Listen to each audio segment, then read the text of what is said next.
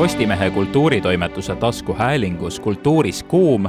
vestleb Ralf Sauter seekord kirjaniku ja režissööri Imbi Pajuga,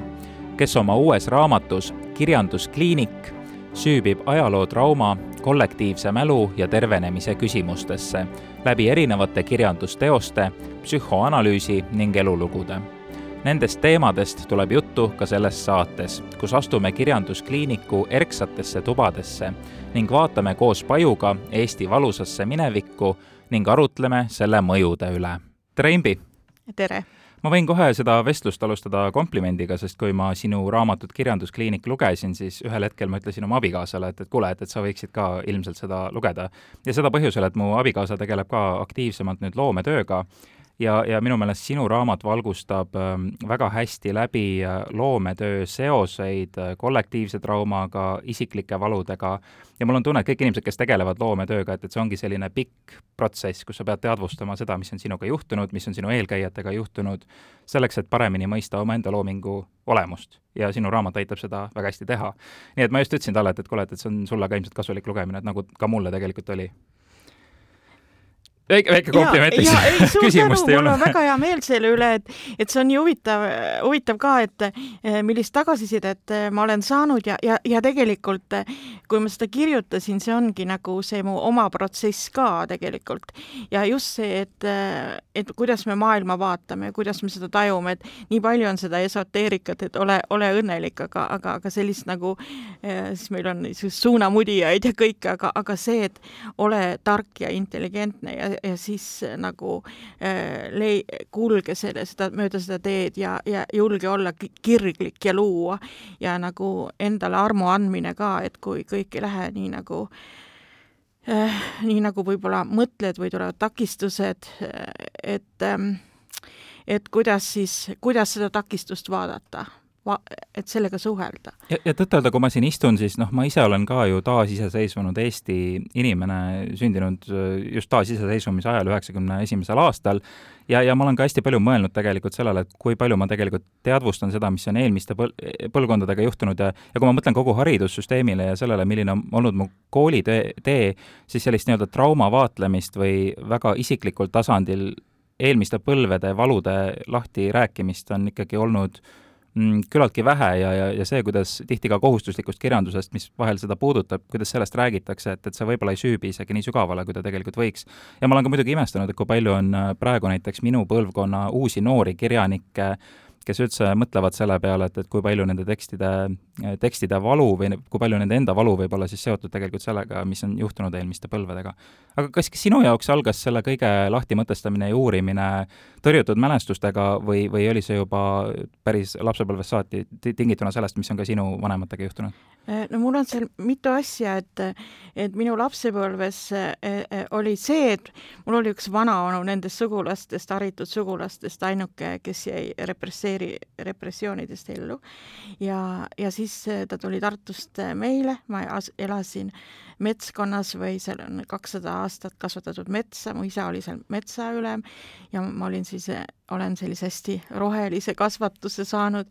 Ja, ja siis mu vanaonu, tal oli kaasas Eesti-aegseid raamatuid. Ja ma mäletan, tõi mulle psühhoanalüüsist ja kõik niisugused, mida nõukogude ajal ei olnud ja mul oli kohutav huvi nagu selle, selle maailma vastu, mida enam ei olnud ja need, just need üksikud raamatud, sest me ei tule selle peale, et kolmkümmend miljonit raamatut ja ajakirja hävitati koos selle Nõukogude võimuga Saksa, Saksa okupatsiooni ajal ka veel midagi ja siis need üksikud raamatud, need nagu lummasid mind kogu aeg ja, ja siis ma nagu, mind huvitas nagu see pool. ja siis üheksakümnenda alguses eh, ilmus, üheksakümnendal eh, vist, jah, Gulagi arhipelaag Solženitsõni ja ma mõtlesin, oh, ma loen selle läbi lihtsalt sellepärast, et mu ema on noore tüdrukuna sinna viidud, alaealise tegelikult, ja et mis seal siis oli ja, ja mul on sugulased sinna kadunud ja ma tõesti, ma, kõigepealt ma ei suutnud seda lugeda. Ja siis ühel suvel mm, oli väga ilus suvi, ma mõtlesin, nüüd ma loen seda. Ja see nagu vapustas mind ja ja ma mõtlesin, ma rohkem selle teemaga ei taha tegeleda, et nüüd me oleme vabaduses ja nüüd teeme toredaid asju, siis, siis Eesti oli juba vaba. Mm. -hmm ega siis ma läksin õppima natukeseks ajaks üheksakümnendate alguses Helsingi ülikooli ja mm, ja siis ma olin täiesti vapustatud, et nagu haritlaskonnas oli ikkagi hästi tugevalt see, et Nõukogude Liit oli hea ja, ja, ja Eesti, et, et et seal ei olnud see solidaarsus, mida ma nagu eeldasin, et, et oli küll, aga aga,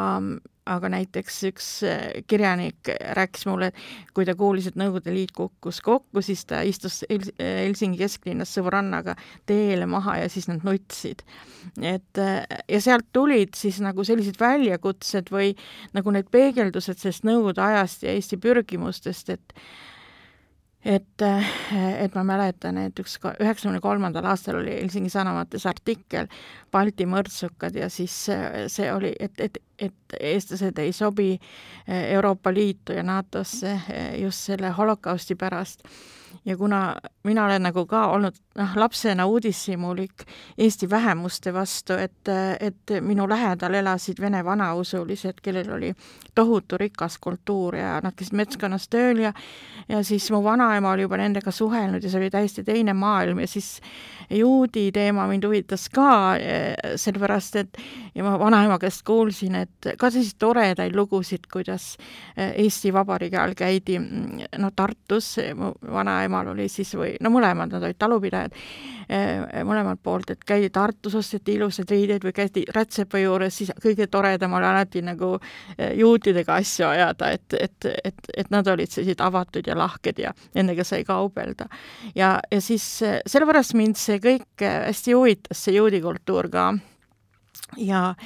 Äh, ja siis, siis ma hakkasin nagu Soomes nagu kogesin seda, et kui jälle nagu mingi Vene propaganda asi tuli, siis hakati nagu eestlasi süüdistama ja mm. tookord ma olin nii šokeeritud, et ma kirjutasin äh, vastu, et Eesti juudi kultuur ärkab ellu ja kuna ma olin õppinud enne klassikalist laulu ja olnud ka teatris tööl ja, ja Vanemuises ja, ja olin harjunud lava peal olema, siis mul oli nagu selline võib-olla maalt, maal ka kasvanud ja harjunud vabalt jooksma ja seal teatrilaval, nii et ma läksin, viisin selle Helsingi Sanomatesse ja tõesti, äh, äh, see ilmus kolme päeva pärast juhtkirja leheküljel, minu artikkel ka. Äh, ja siis ma nagu, siis ja just see tegelikult nagu, et, et, et muidugi oli soomlaste hulgas väga palju ja Karjala taustaga inimesed ja, ja seal Eh, Soome rootslaste hulgas oli ka palju eh, selliseid pagulasi, kes olid siis põge-, kelle vanemad või vanavanemad olid põgenenud revolutsiooni eest Venemaalt ja siis nad olid siin Soomes siis saanud nagu soome rootslasteks. Eh, nii et, et mul oli hästi palju küll häid ja väga harivaid ja, ja sõpru ja nii edasi, aga see, see nagu Äh, mida ma siiani mõtlen, et see vasakpoolne ajalugu või vasakpoolne vaatenurk, et see on nii tugevalt ikkagi seotud äh, ikkagi nendes, et see on nagu kummaline niisuguste kas või Nõukogude Liiduga, nii et, et ma äh, et ma, ma lihtsalt, kuna ma ei saanud aru, ma ei teadnud, mis on soometumine, ega ma ei saanud nendest asjadest aru, ma lihtsalt mõtlesin, ma pean rääkima oma loo ja siis ma tegin kõigepealt Vilmi ja ma oma emast ja ema kaksikõest. see tuli kaks tuhat viis välja, aga ma mhm. tegin viis aastat ja siis samal ajal mul tuli hästi palju äh, muud materjali, nii et ja siis, kuna Vilm oli oli hästi populaarne Soomes nagu üks vaadatuim, kui see tuli, sest see oli ka kõik niisugune keelatud teema olnud, siis kirjastus pakkus, Soome kirjastus, et ma teeksin raamatu. ja ma siis sain kirjutada eesti keeles ja seda otsast tõlgiti ja, ja, ja siis mul oli suurepärane töökogemus Soome kirjastajatega ongi olnud, nii et mul tuli seal hiljem ka. nii et ma nagu hakkasin teistele seletama, aga ma kogu aeg nagu pidin ka endaga tööd tegema, sest mu enda trauma ka tuli esile, nagu ma selline, sellised nagu sellist, selline ärevus, mis, mida ma nagu ähm,, ähm, mida ma ei tahtnud tunda, et selline, selline ärevuse tunne, nii et et, et, et mu õnn oli ka see, et et äh, ma kohtusin ka väga haruldaste inimestega ja, ja tegelikult nagu see äh, juudi ja holokausti teema äh, ka mul jätkus, sellepärast äkki mul oli Soomes ka selliseid, üks Mikael Enkel, kes on mul siin raamatus, kes on väga sügavalt, ta on psühhanalüütik ja kirjanik, sügavalt vaadelnud siis seda holokausti teemat, sest ta oli laps ja ma, on siin kirjas ka, et kui ta kui kõik sõda algas ja, ja, ja kuidas ta koolis seda koges, kuigi noh, nad, ta oli kuulus ka nagu siis Soome eliidi hulka ja sellise aadlitaustaga. nii et ma jah, et mul tuli, mu ellu tuli väga sügavaid inimesi ja ja siin ma lõpus tänan ka üks mu hea sõber Stefan Bruno, kelle vana-vanaema oli äh, siis Eestist, ei vanaema ikka, äh, Gudrun von Üksküll, kes oli abiellunud Soome rootslasega. ja siis äh, kuidagi need, siis me nii palju nagu nendest asjadest rääkisime, et õieti need raamatud ja filmid hakkasid sündima läbi nende vestluste, sest ma ise harisin ka ennast kuulates ja ta aitas mind ka, otsisime materjale, et kuidas mõtestada. selliste raamatute nagu Kirjanduskliinik kohta võiks isegi kasutada seda terminit, et oraalne ajalugu nii-öelda ja, ja sõnaline ajalugu, kus on inimeste kogemused ja ilukirjanduslikud kogemused ka vahendatud siis sinu kaudu mingiks ühesõnaga kollektiivseks mõtteks. Jaa, ja siis on üks asi ka, et, et äh, kui ma äh, lugesin ühte intervjuud äh, Hando Runneliga, kus ta rääkis sellest, kuidas Nõukogude ajal oli selline esseism või mõttekirjandus või mõtestamine keelatud ja et kuidas nad siis seal loomingus leiutasid selliseid lehekülgi, kus sai natuke mõtestada. ja, ja siis minu arvates, et see on ka nagu vastuolu, et, et võib-olla, et see ongi nagu nõrk pool olnud, et isegi nagu seda minu žanri ei ole osatud kaua aega määratleda, mis see on, et, et mul ongi nagu selline esseist, esseistlik mm, -hmm. ilukirjanduslik, mõtestav, et ma ju tegelikult otsin, et see on ka nagu ma äh, see, kuidas ma seda komponeerisin, et seda ei oleks nagu raske lugeda, et mul, kuna ma ka muusikat õppinud, siis kuidagi äh, Arvo Pärdi äh, Tindi Naapolis, see stiil oli mulle siin kirjandusteoses eeskujuks, et et, et ma lähen sellise rütmiga, väikse rütmiga, nii et et, et mul on endal aega mõt-, mõelda ja mõtestada ja annan seda ka lugejale. et see ongi nagu üks pikk essee ja jutustus, et äh, ja, ja see ei ole ka nagu minevik, vaid see on nagu inimese elukaarel seismine, et, et, et tegelikult, et see on nagu inimese elulugu. et need asjad ju kõik ka, mis ma kirjutan, mis tundub, et on minevik, need on kuskil olevik. et me tunneksime seda mustrit ja oleksime tugevamad. ma nimetaksin seda võib-olla emotsionaalseks inertsiks ja ja, ja see on üks asi, millest võib-olla isegi piisavalt ei räägita, vähemalt meie kultuuris, aga kui näiteks äh, räägitakse põlisameeriklastest äh, praegu, siis näiteks ma olen kuulnud teooriaid, et äh, põlisameeriklaste seas on hästi palju alkoholismi praegu tingituna sellest genotsiidist ja sellest, kui palju nad on eraldunud praegu oma kultuurist ja oma, oma pärandist. aga näiteks Eestis jah, tihti, vähemalt end, minu põlvkonnas, kui ma vaatan enda põlvkonda, ja, ja paraku see käib ka minu enda kohta, et, et siis väga vähe on nagu mõtlemist sellele, et kuidas need ajaloo järelvõnked tulevad tegelikult meie endi teadvusesse ja ka alateadvusesse ja, ja seetõttu mul oli nagu hea lugeda, et, et sa oled läbi psühhoanalüüsi üritanud seda avada ennekõike jah, see on ja see on nagu, eh, ma kirjutasin nüüd Õhtulehele ühe essee eh, ja ka nendel teemadel, et kuidas see, mm, kuidas see võib minna järgmisse põlvkondadesse, sest see minu põlvkond eh, või pealesõjaaegne, ütleme, põlvkond siis nagu varem veel, et, et, et kuidas nad pidid kohanema eh, selle süsteemiga ja, ja, ja kõik see, ma vaatasin Leida Leida Laius ühte filmi lasteaiast, see oli seitsmekümnendatel. ja tõesti, ma nutsin kogu aeg, sest ma ise ei ole lasteaias käinud, aga aga, aga noh, see selline Nõukogude atmosfäär tuli, tuli vastu, kus kus on palju lapsi, väiksed lapsed ja, ja tegelikult seal oli ka kord, et see, seda loovust ju ka väga ei, ei soositud. et, et mis, millis, mida see on nagu meie tunnetega teinud, kuidas see läheb järgmisse põlvkonda, sellepärast ma mm, eh, tegelikult kolmes arvustuses on nagu kõik mm, öelnud, et, et, et siin on era-, noh, palju empaatiat või sellist harjumuspäratult palju, aga minu jaoks see on nagu loomulik, see on nagu loomulik Euroopa osa, et me teadvustame, et me julgeme öelda või me näeme selle, selle ilukirjandusliku teose kaudu, et isegi kui sa seda teost ei loe, aga aga selle kaudu on olnud mul võimalus rääkida mingitest olulistest asjadest ja mulle meenus äh, seda lugedes üks enda viimaste aastate lemmikfilm Värvitud lind, mis põhines Jerzy Kosinski romaanil, see on kolmetunnine mustvalge film lihtsalt Teise maailmasõja ajal, kus üks juudi poiss uitab mööda külasid ja metsasid ringi ja kohtab erinevaid inimesi, kes on siis äh, nii-öelda võimukannatuste all piinlemas ja ja seal on üks stseen, kus poiss satub ühte majakesse, kus üks mees on ennast üles pooma hakanud ja ripub seal ja on veel elus ja see poiss siis otsustab tema suunas joosta, hüppab üles, haarab temast kinni ja ripub temaga koos, tema ümbert kinni hoides, et aidata tal nagu surra. ja see oli meeletult ka ilus stseen just tingituna sellest, et see näitab äh, mitte ainult seda, kuidas poiss peab valimatult koos temaga kannatama, vaid ka seda empaatiat või seda tema ümbert kinnihoidmist, kui ta sureb aga paraku selliseid filme, selliseid lugusid vaadates või lugedes me ei mõtle tihti sellele, et need lapsed, kelle kannatusi me näeme, et, et neist saavad kord ka lapsevanemad ja ja siis omakorda tingituna oma kogemustest, mida nemad enda lastele edasi annavad. aga jällegi, see on asi, mida kuidagi vähe teadvustatakse.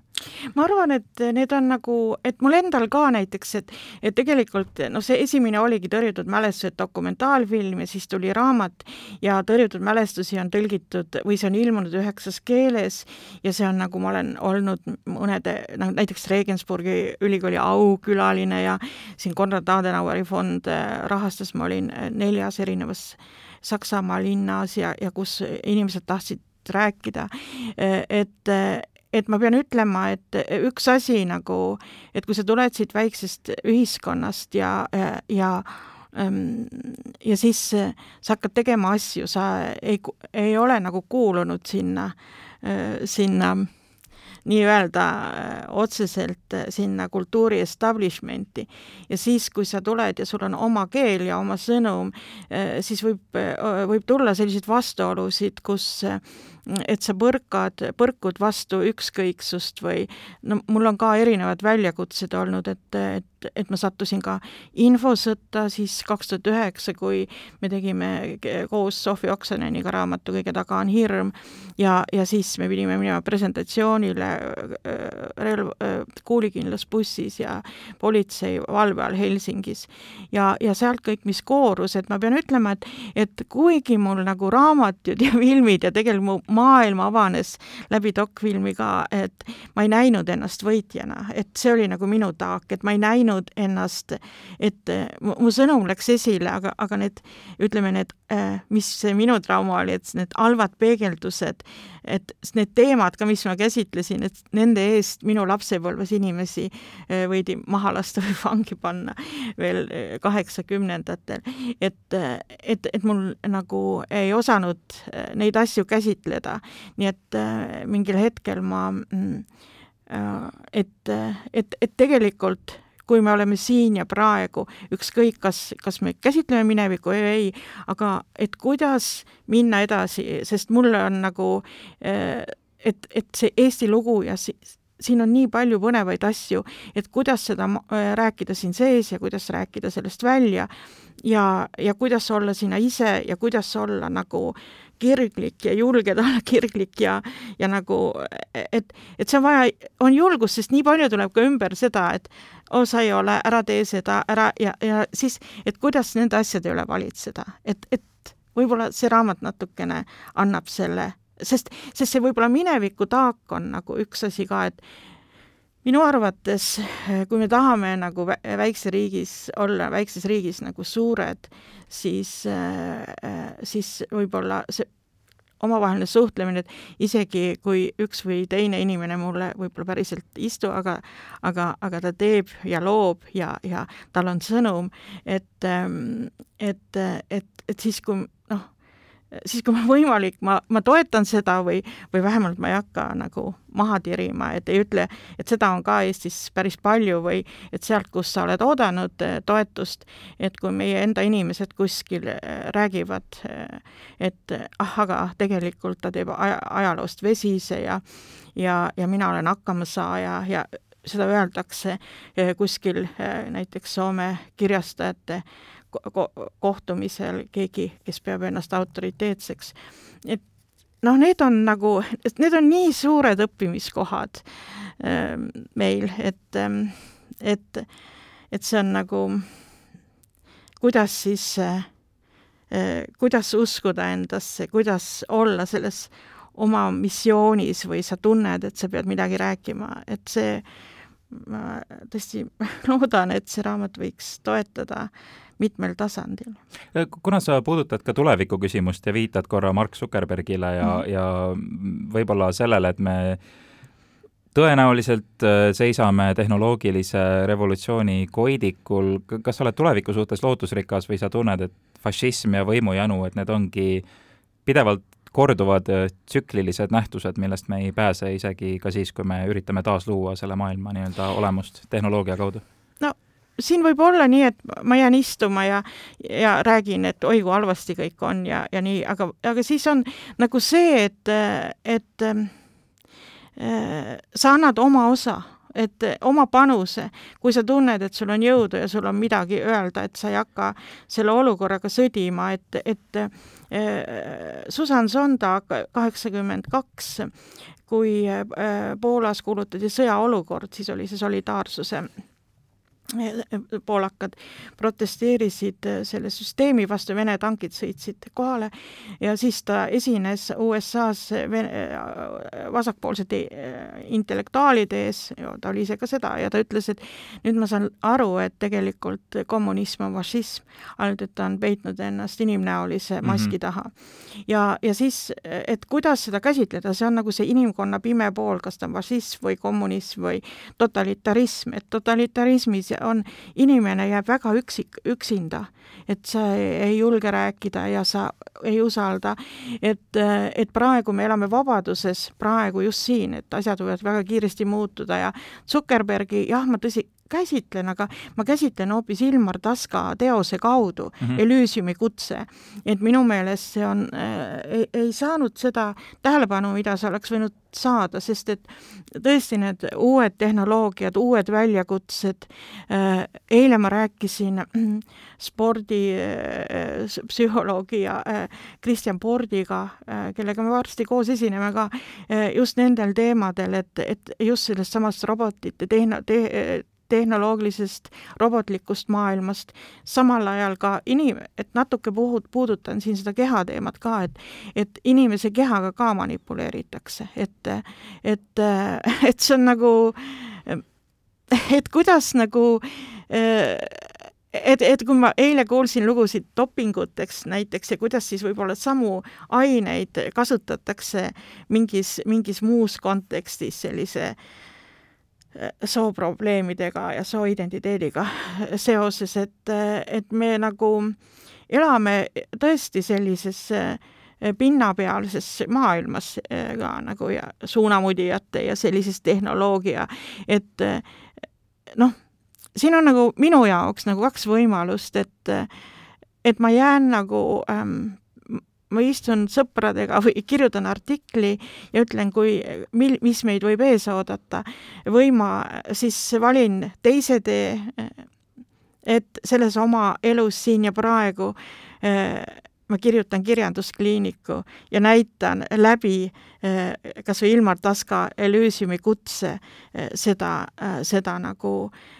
mis võib juhtuda või mis on juhtunud, et Margaret Atwood, keda ma ka tsiteerin, et tema ju käsitleb palju nagu utoopiaid ja düstoopiaid mm, -hmm. mis võivad muutudagi noh, selline düstoopiline maailm, et see tulebki ja on siin ja praegu. et, et et eh, mul on nagu olnud hea meel, et Eestis ei räägita nii palju vasak- ja parempoolsest, ei räägita veel. ega Soomes nagu on hästi, öeldakse vasakpoolne ajalookäsitlus ja parempoolne ja mul hakkab siis nagu ähm, äh, alati nagu, tunnen nagu ängi ja isegi äh, nüüd Postimehe kirjastus on andmas välja Gulagi arhipelaagi, kuhu ma ühele kolme raamatuna kirjutasin ka eessõna eh, pika ja põhjalikult ja analüüsisin seda düstoopilist maailma ja just needsamad teemad. Ja siis ma kirjutasin sinna, et ma pean ütlema, et ma ei ole ei vasak ega parempoolne ja toetusingi Margaret Atwoodile, kes ütleb, et kirjanik peaks vaatama, küsima küsimuse, kuidas me jõuame sellisesse olukorda, kuidas, miks inimesed haaravad relvad, miks nad, et, et kirjaniku missioon on nagu see, et, et näiteks mina ei saa ennast nagu ideoloogiatega äh, äh, nagu, et ideoloogiad hakkavad mind kohe kammitsema, et mul on hea teada äh, mitmeid asju ja, ja, aga ma ei äh,, et, et see vabadus on see, et, et ma võtan sealt mingid tööriistad ja siis ma arutlen ja siis ma annan inimestele ja, ja siis nad saavad edasi arutada. Kui ma peaksin sinu käest praegu küsima, siis äh, miks sa arvad, miks fašism tekib ja mis need toimemehhanismid on just ennekõike võib-olla psühholoogilised? no mm, siin ma tegelikult ju käsitlen ka, et, et ma olen nendel teemadel, et siin on nagu Albert Speeri ja näitevaral, et mul on, olen siin tema raamatuid lugenud ja etendusi vaadanud ja ja siis see teine, üks tegelane on Friedrich Reck, kes, kes oli siis samal ajal, elas Saksamaal ja tema raamat Masendunud mehe päevaraamat, mida ma südamest loodan, et Eestis ka 아 antakse välja, ta suri siis koonduslaagris, aga oli selline aristokraatia ja siis ta, et, et kaks nagu samas ühiskonnaklassis olevat inimest, ühele hakkas nagu see, mis Saksamaal sündis, eh, vastu ja siis, ja tal oli häbi Friedrich Reckil, aga siis Albert Speer läks sellega kaasa, nii et, et ma tegelikult siin nagu mõtestan, et mis juhtub, kui, kui ja kuidas populistid eh, töötavad või mõjuvad, et Friedrich Reck räägib sellest, et need inimesed, kes rääkisid, eh, kui tuli nagu Goebbelsi ajupesu ja eh, nagu propaganda, et siis paljud inimesed, kes varem rääkisid eh, inimõigustest, nad hakkasid hoopis kordama neid, neid nagu, neid tõdesid. Ja, ja, ja tuleb selline hirmuõhkkond, siis on ju hea öelda, et aga kõik on juutide süü, kõik on selle süü, kõik on, ja näiteks isegi praegu, kui me oleme vabaduses siin Eestis, et meil on ju kõik üsna hästi, aga, aga see pra-, olukord on ka nagu täiesti uskumatu, et me oleme nagu kaotanud selle, selle, et, et mis on oluline, me oleme isegi nagu kaotanud selle, äh, selles imelise huvitava ajaloo, kus me kahekümne aastaga kehtestasime ennast nagu maailmas, saime diplomaatilised suhted ja et seal on nii palju seda võlu äh, ja siis me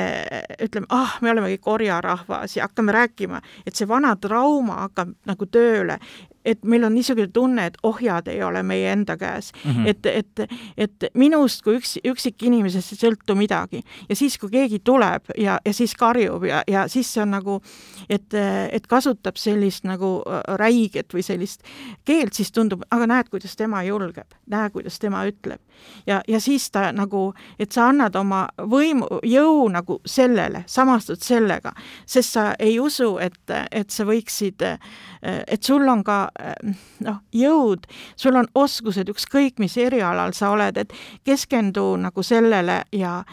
ja, ja, ja too neid, seda nagu sealt, seda oma sisemist kogemust või äh, püüa seda nagu äh, ava-, suureks rääkida või on ju võimalik vabaduses luua erinevaid kooslusi, et sa saaksid oma hääle esile, et ma arvan, et see on nagu, et, et me elame ju praegu ka, et võib siis öelda, et nagu fašism või totalitarism, et see, et kommunism oli tea-, teadagi lihtsalt äh, tõesti nagu äh, inimnäolise maski taha peidetud, et, et kui me räägime näiteks kolonisatsioonist, siis räägitakse lääne kolonisatsioonist, USA kolonisatsioonist ja mm, siis Äh, Maarja Mälksoo, teadlane, on praegu äh, Taanis äh, ja kes on ka mälu uurinud. Ja, ja siis ma lugesin ühte väga huvitavat artiklit, kus ta ütles nii, et et siis nagu Nõukogude Liit on olnud alati nagu nende koloniaalriikide päästja, et aga tegelikult ta on koloniseerija olnud, aga ta on sellise keele loonud, et me me päästame Aafrika maid ja nüüd ka nagu päästak-, päästetakse kogu aeg. ja ühiskondlikult võib ka kogeda seda efekti, nagu ühe lapsega võib olla, kes kasvab kaoses üles ja siis äh, selle võrra rohkem januneb kontrolli järele täiskasvanuna, et, et see meeletu vajadus äh, distsipliini ja, ja kontrolli ja kõige mm, -hmm. kõige juhtimise üle. jah, et, et tegelikult nagu see, et tegelikult see on nii lihtne asi, kui sa nagu leiad selle enda, iseennast, aga see tuleb ka nagu kasvatuse ka,, kasvatuse kaudu, et ega ma ka siin nüüd lihtsalt ei, ei kurda, et mul on siin tuleva, tulevased plaanid ka või tööd käimas. Äh, et kui ma olen nüüd siin rääkinud nendest traumadest, millest me peame ka rääkima, aga aga äh, ja nendest me ei pääse, äh, need, need on, aga tegelikult need võivad olla ka need, need kohad, kus me õpime empaatiat ja õpime väärtustama seda, mida enam ei ole või saame teada endast midagi, miks ma käitun nii, miks ma ei julge näiteks, näiteks ma avastasin ise, et et kui ma nagu, et ma olen nüüd oma filmiga Tõrjutud mälestused, näiteks terve Euroopa, Aasia, Iisrael, kõik, kus ma olen esinenud, kui raske mul oli küsida oma esinemiste või töö eest honorari. Ja, ja ma pidin seda, sellest nagu kirjutama, miks mul on raske ja ma siis kirjutasin iseenda jaoks ja siis ma avastasin, et see on mul nagu raske sellepärast, et et alateadlikult on mul selline tunne, et, et kui ma küsin midagi, siis ma iseenda eest, et mind võidakse karistada, et see on nagu uskumatu, mis võiks olla nagu alateadvuses, sest et äh, mu suguvõsalt on kõik ära võetud. et ja need asjad võivad minna järgmisse mm -hmm. põlvkonda. Need on nagu jube salakavalad asjad, et ma lugesin eelmine nädal Postimehes üks äh, majandusleheküljel oli üks psühholoog, just rääkis nendest asjadest ja mul oli tõesti äh, ei tule praegu meelde see nimi, aga, aga just selle, sellest psühholoogiast, et kui suguvõsas on toimunud midagi niisugust traumaatilist, et et kuidas sa siis äh, suhtud, kuidas sa julged küsida või väärtustad tegelikult, et sa väärtustad oma tööd, et sa armastad ennast, sa, et see ei ole mingi esoteerika, vaid see on just nagu õppimise asi, et, et, et sa, et sa oled selle, see, kes sind kutsub, sa oled selle koostööpartner. ja huvitav, kas ähm, on olemas mingeid ühiskondlikke kollektiivseid puhastuskogemusi ka üldse, mis aitavad seda traumat inimestel koos leevendada või, või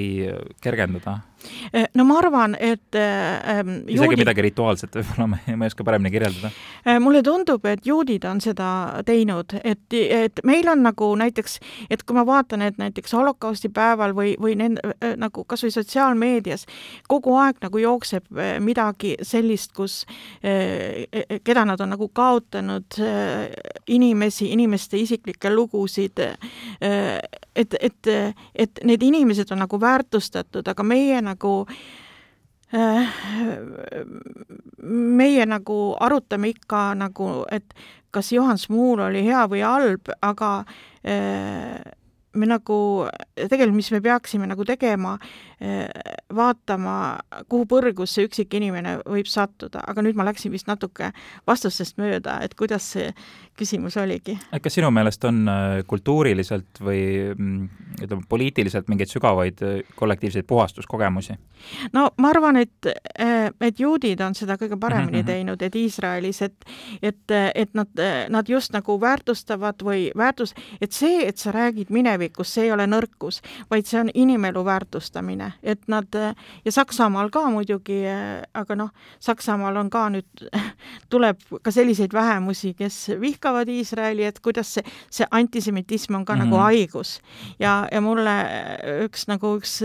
juudi tuttav ütles, et, et meil oli seda oma riiki vaja, et meil on nagu oma, siis on oma kurjategijad ja omad kõik need, et et keegi ei ütle, et, et kui sa, et näed, juut tegi seda või teist sellepärast, et ta on juut, et siis me oleme siin oma riigi sees. Ja, ja noh, ma olen Iisraelis käinud ja ma, ja Iisraeli, Iisraelit ka mitmes mõttes minu arvates nagu mõnikord demoni-, demoniseeritakse, eriti just nagu vähemalt läänes sellistes vasakpoolsetes ringkondades, aga mind on nagu noh, et, et seal on ka need oma traumad, aga nende traumadega ka tegeletakse, et, et see ei ole nagu kõik niisugused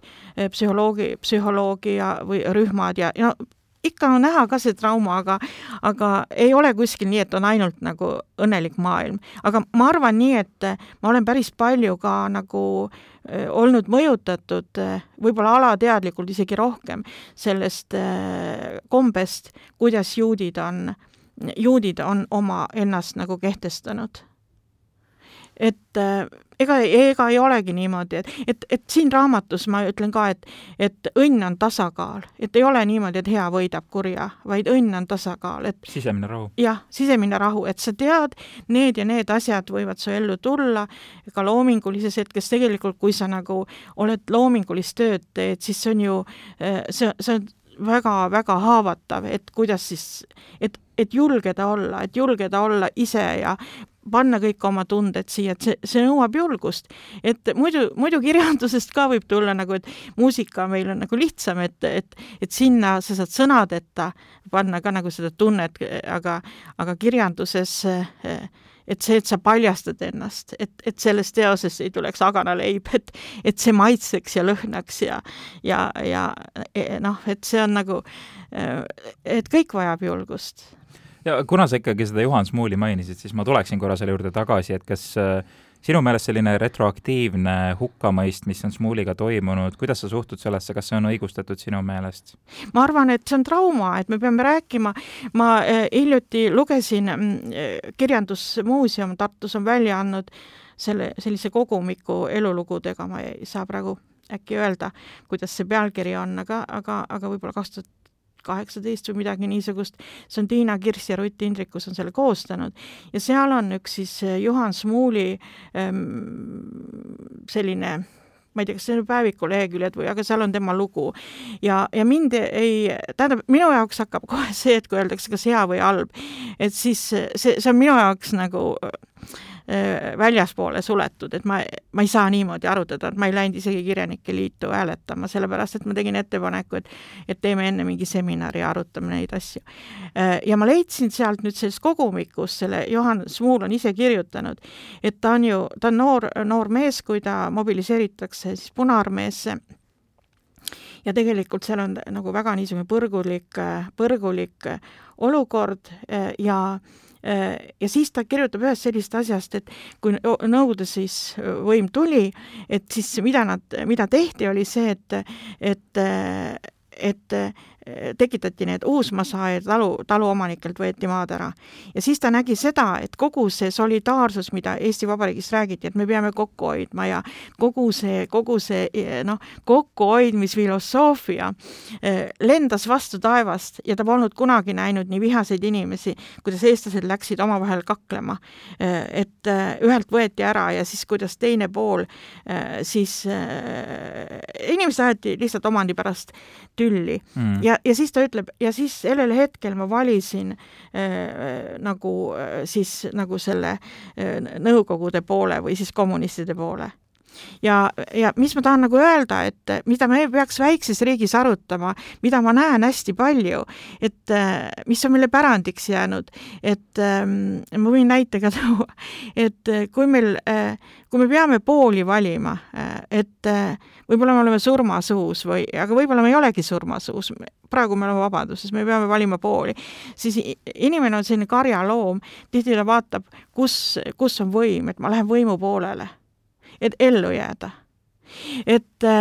et ma arvan, et, et see vajaks nagu psühhanalüüsi, et, et et Nõukogude võim või ükskõik mis selline totalitaarne süsteem esitab ju palju niisugusi kuratlikke väljakutseid et ta, et aga kui ei ole pealtvaatajaid, et ma teen midagi oma ligimisi vastu, et nii ka ei saa olla, nii et ma olen andekas inimene, aga ma võin teha kõike, vägistada, tappa, reeta ja aga vaata, kui andekas ma olen. Ja siis, et see nagu hüvitab kõik, et nii see ei ole, et kui me Eh, Juhan Smuul on üks arhetüüp meie sellises eh, trauma ajaloos mm -hmm. ja me peame nagu seda avama ja me, ja noh, eh, ja ma pean ütlema ise, et, et noh, oma lapsepõlves, kui oli äh, polkoonikul Estlane, ma mäletan, ma olin väike ja see tuli telekas ja siis äh,, siis mu ema ja isa nagu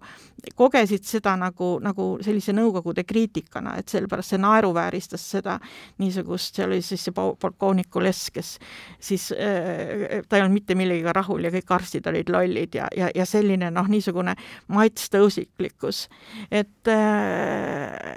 et ma tõesti ei arva nii, et ma pidin ka pähe õppima äh, luuletust kommunistlikuks nooreks ei paluta ega mind nagu lasteaeda, mul on siiani see peas. et, et, et meile, meie ju loodi seda uut Nõukogude inimest ja, ja ta aitas selleks kaasa ja ta tegelikult, siin on ka nagu see raha, et raha pakutakse alati ja raha praegu Putin ostab inimesi üles, et, et, et noh, ega siis pärast sõda ei olnud ka väga palju muid võimalusi, ütleme, et sul on võimalik ära põgeneda, aga, aga ta sai kõik, ta sai nagu kellegi maja ja ta sai võimaluse, ta sai esimesena auto Eestis ja võimalus sõidet, sõita Põhja-Jäämerel. et, et talle anti selline võim ja minu arvates me peame rääkima, kuidas me võimu kasutame.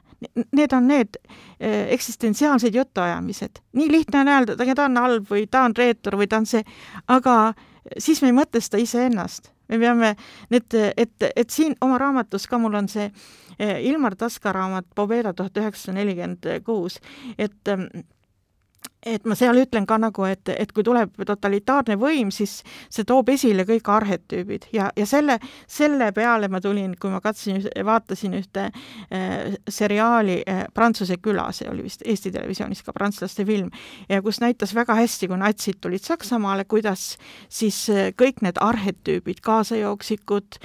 vastupanuliikujad äh,, kõik tulid esile. nii et, et et mulle meeldib see äh, no selline nagu äh, psühholoogiline asjade äh, mõtestamine. Ja sellepärast ma ka, mul on siin lõpus see Andrei Arhangelski, hea sõber, kes vene kultuurifilosoof ja, ja ja siis äh,, kes on praegu Berliinis ja paguluses ja välismaa agent ja ta on seitsekümmend kuus sündinud ja see, äh, see, kuidas ta on nagu kogu aeg mõtestanud, psühholoogiliselt avanud, kuidas me jõuame putinismi, sest see, kus see on nagu see, e-, et see, mis meid äh, praegu äh, nagu äh, millega me peame tegelema, mis see süsteem on, kuidas see nagu hologrammina tuleb ka siia Eesti peale, sest me oleme viiskümmend aastat olnud samas süsteemis, eh, mis esitab väljakutseid, mis esitab julgust, et ma võin, toon ühe näite näiteks, et et eh, mingil ajal hakati nagu rääkima, Soomes eh, tulid need raamatud, eh, kus öeldi, et Päts on kõiges süüdi ja, ja, ja Soome välis, tollane välisminister rääkis sellest ja ja kirjutas, kirjutas Jaan Tõnissoni raamat ja Martti Turdola ja Magnus Silmjärv. ja, ja mis siis juhtus, oli nagu see, et kui üheksakümmend kaheksa avati Pätsi mälestustahvel Vandal, kus ta oli siis tuhat üheksasada viis olnud maapaos. ja, ja kui nagu, kui nagu selline süüdistus hakkas, siis need inimesed, kes olid seotud selle projektiga, mis avati väga uhkelt, Lennart Meri rääkis ülikooli, Helsingi ülikooli äh, saalis ja ja, ja nii edasi, siis äkitselt äh, see, see mälestustahvel lasti võssa kasvada sest et eh, eh, ma ei tea, kas sa saad aru, et, et mis ma tahan nagu öelda, et kui keegi väljaspoolt ütleb, et ta oli halb või ta on süüdi või, või siis sa ei julge, et see, see on nii lihtne ju äh, ikka hoida need asjad korras, see on meie ajalugu ja see on meie, aga nii lihtne on minna siis sinna, kus tundub, et kus, kus peaks nagu meeldima või siis ma teen seda, mida kuskilt väljaspool keegi ütleb ja see on palju raskem, sa pead ju oma südametunnistust ka müüma või oma, et mm. muide, muide, kui korra tulla tagasi selle robotite teema juurde, siis mul on tunne, et kui me hakkame tehisinimesi looma, et siis see saabki olema suur proovile panek, et kas me laseme nendel robotitel luua oma demokraatia või me hakkame mingeid sisemisi fašistlikke impulsse nende peal välja elama, et, et see saabki olema selline väga ilmselt osad inimesed teevad ühte ja teised teist, aga ma kardan, et tehisinimesed saavad olema selline nii-öelda eksperiment. aga ma ei tea, ma eile hakkasin mõtlema, miks neid tehisinimesi üldse luuakse. Ma, ma täpselt pole siiani aru ma arvan, et see on seotud mingisuguse ego küsimusega, see, et, et, et inimene peab ennast nagu väga sügavaks, pühaks ja väärtuslikuks ja tahab seda omistada millelegi, millele ta on ise loonud ja võib-olla see ei ole erinev üldse kirjutamisest või üldse loometööst. ei, aga ma, aga nagu ma vaatan, et see, ma tegelikult ei ole jõudnud selleni nagu panustada või enna, enda mõtet, sest nii palju on tööd ja nii palju on nagu eh, muid asju, sellist argipäeva asju ka, et kuhu ma pean ennast jagama. et, eh, et ma hakkasin jah e, mõtlema, et aa, et aga milleks, kus neid inimesi, kasutatakse neid kunstiinimesi põhiliselt äh, kuskil Facebookist või mingid artiklid jooksevad äh,, äh räägid, siis mingid mehed räägivad, et kuidas, kuidas nüüd ta on leidnud õige armastuse või no mitte Eesti mehed, aga, aga, aga noh, ma olen mingeid selliseid asju näinud mm. -hmm. ja siis ma hakkan nagu mõtlema, milleks neid kasutatakse, kuidas nad hakkavad valitsema siis inimelu üle, et kas nad, äh, et, et siin on nagu see sõda ja rahu on kogu aeg ka see ja eetilised ja humaansed spontaansed ja, ja noh, mina olen ikkagi äh, nagu tahaksin hoida loodust ja seda kõike, mis, mida me ei ole ise loonud ka, mis on nagu meie elu osa. et et noh, see küsimus just, et kuida-, kuna see robot hakkab valitsema nagu tegelikult eh, meie meeleolu, meele üle, eh, mis hakkab juhtuma? ma, ma arvan, et robotitega on samamoodi nagu tehisintellektiga, et tegelikult tehisintellekti praegu kasutatakse töödeks, mida tegelikult inimesed nii väga teha ei viitsi, et, et justkui selline mugavuse küsimus ja ma arvan, et robotid hakkavad ka tegema nii-öelda jutumärkides musta tööd, mida tegelikult inimesed ei taha teha. jaa, et jah, jah. ja meie hakkame nende üle valitsema, ma arvan, et see on see nii-öelda ideaal, ideaalsus või ideaal, mida me otsime, aga, aga eks näis, näis, mis saab. aga siis nad alati saavad olema meie alamad ja siis tekib juba see küsimus, et kas me suudame oma inimlikkust säilitada, kui me oleme loonud millegi, mis väärib tegelikult oma nii-öelda ruumi kasvada, oma teadvust, aga me alati valitseme nendele, et, et mida me tegema hakkame nendega? et mul on hea meel, et sa nagu nii arutad, selle, sellepärast ma selle Elysiumi kutse või selle ka siia panin, et, et, et me nagu mõtestaksime, sest see on ka tundmatu maa, et, et, et, et kuhu me oleme teel, et, et siin on, on nagu päris palju väljakutseid olla, olla mina ise ja mis see mina ise olemine on, et ähm, et, et kas või noh, siis teine veel, veel see nagu näiteks kas või räägitakse nagu rohepöördest ja siis kõik see läheb nii ideoloogiliseks ja kõik, ma ei tea, mida räägitakse. ja siis äh, see, mida mina jälle näen, kuna ma lähen nüüd siis ka, ma olen seal ajaloos ja, ja eile ma sain näiteks meie ühe suurepärase aedniku, iluaedade, kooliaedade, see suure filosoofi Jaan Pordi äh, äh, arhiivid ja kirjavahetuse ja ma tõesti nagu lugesin äh, ja sain koduarhiivi ja, ja selline, milline nagu maailm sealt tuleb nagu ja siis, kuidas see totalitarism tuleb ja siis nagu, kuidas see nagu hävitab kõik ära, ma tõesti lugesin ja siis mu pisarad voolasid, sellepärast et, et et, et, et siis nagu tunned kohustust, see, mis on nagu äh, ka, kadunud, tegelikult see ei ole kadunud, et, et see uuesti ellu äratada, kuhu me saaksime nagu toetuda ühe väikse riigina ka, me ei pea kõigi asjadega nagu kaasa minema, et see, et ma sellest räägin, see ei tähenda nagu natsionalismi, vaid inimeseks olemist, et et ähm, et, et sa lihtsalt äh, kui sul on nagu nägemus või töövahendid, et sa annad oma panuse, mis on ka nagu kirjanduskliiniku eesmärk, et äh, et mul oli hea meel, et Asso Krull nagu leidis siit raamatust selle, kus ma räägin, kuidas Gustav Vilbaste kolmekümnendatel käib siis mööda Eestit ja intervjueerib inimesi ja, ja siis avastab, et külainimesed tunnevad vähemalt sadat taime nimepidi. ja, ja, ja see nagu, ja siis see, see loob erilise suhte, et sa tunned sadat taime nimepidi, et ja siis, kui ma vaatan äh, väikest last, mul on kolmeaastane pojapoeg ja siis me läheme metsa ja siis ta ütleb, mis puu see on? Äh, ja mis lill see on? Ja siis ta kogu aeg küsib neid küsimusi ja siis see inspireerib mind nii palju, et, et äh, nüüd mul on siin üks lasteraamat ka tegemisel. jah, ja selline jah, looduse kõige vahendamine läbi ka kirjanduse ja kõige, selle on oluline, et järgmistele põlvedele oleks võimalik mõista seda kõike ja, ja ma arvan, et, et meil, et meil oleks siin ja praegu, et isegi mitte, et me ootame, et järgmine põlvkond, vaid siin ja praegu. Ja, ja see, mis mulle ka nagu hästi meeldib, et nagu äh, mulle meeldivad, meeldib see, et erinevad põlvkonnad äh, äh, võivad jagada neid kogemusi, et see on nagu inimeseks olemise jagamise kogemus, et et mul ongi olnud siin päris huvitavaid väljakutseid ka erinevate, just erinevate põlvkondade ja erinevad põlvkonnad on ka kirjutanud, et ma ei, et ma ei, ei oleks nagu sellist asja, mis siiani on nagu olnud,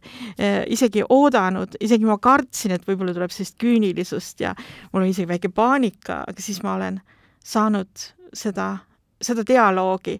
mida ma olen igatsenud. aga Eestis on mõnes mõttes ju viimased põlvkonnad teinud läbi väga suure nii-öelda kultuurilise muutuse, kus veel sada aastat tagasi maatükk ja, ja suhe loodusega olid inimese jaoks nii olulised ja praegu, kui ma vaatan, ütleme, enda põlvkonda või Eesti noori, siis noh, need, need, mis olid meeletult suured väärtused kunagi eestlaste jaoks, nüüd ei tundu enam nii suured väärtused ja kas see kiire areng kuidas meie maailmatunnetus või meie, meie nii-öelda riigi, meie kohalolu tunnetus siin nii ägedalt muutub ja nii radikaalselt muutub lühikese aja jooksul, et kas see on hea, on see halb ähm,? No asjad, see ongi hämmastav, kuidas mingid asjad võivad muutuda nii kiiresti, et, et nii hea kui halb, et üleöö äh, võib äh, näiteks, kui ma lugesin eile see Jaan Pordi neid arhiive või kirjavahetust ja kuidas siis äh, noh, et sealt tõesti nagu ja siis äkki tuleb see Nõukogude kord ja siis äkki, siis ikka veel inimesed ei usu, et, et kõik läheb nii halvasti ja siis tuleb see küüditamine, nii et et, et siis seal kirja, kirjas tuleb esile see nii suur kohkumus, et kui kiiresti ja see kuri tuleb nagu, et, et me peame, ma arvan, olema nagu valvsad, aga aga maailm muidugi ka muutub kogu aeg ja maastik muutub ja, ja, ja et, et näiteks kui, äh, mida ma olen kuulnud ja ka oma sõpradelt ja eilegi kuulsin, kuidas nagu välismaalased tulevad siia ja nad leiavad siit midagi sellist ehedat, ehedat loodust ja mingisugust ehedust, et mis on nagu see meie, ähm, et Eesti on nii väike ja, ja, ja siis osad ikkagi on ju seal, et seda peaks nagu toetama, see, see maaturism ja, ja loodusturism ja, ja sellepärast, et me igatseme ka selle järele, et, et me ei saa nagu päris kui me räägime rohepöördest, siis me peaks tundma. Ja noh, tegelikult selles mõttes ka maailm muutub heas mõttes, et lasteaedade ja koolide juures on jälle aiad ja, ja kus nagu laps või kujunev inimene saab seda, seda suhet. Ka siin meie väikses Eestis, et et jah, ma ei, ma ei tea, et, et need on kõik niisugused arutelu küsimused, mida, mida rohkem me arutame, seda rohkem me taipame, ma arvan nii. ja suur arutluskoht on sinu raamat Kirjanduskliinik, mis sarnaselt sellele vulisevale jõele, mida me kõik otsime, ka mõjub, kuna siin on tõesti nagu jõena voolamas läbi erinevate inimeste mõtted, erinevate inimeste raamatud, looming ja ka meie ajalugu ning ka Ukraina ajalugu. et Kirjanduskliinik on siis saadaval raamatupoodides igal pool ja, ja on, ja on, on küll, praegu on väga toredalt esile, esil olnud, et jah, ja siis kahekümne seitsmendal äh, septembril, no mul on mitmed esinemised. jaa, räägi, kas on veel kohti, kus sind saaks kuulda, näha? ja kahekümne seitsmendal septembril on Kirjanike Majas, siis ma esinen koos Kristjan Pordiga, äh, kes on ka väga huvitav ja noh, kes on tema loenguid kuulanud ja ja, ja ta on siis spordi, aga, aga, aga kõik need eksistentsiaalsed teemad, et, et ma olen läbi siin oma loomingu ja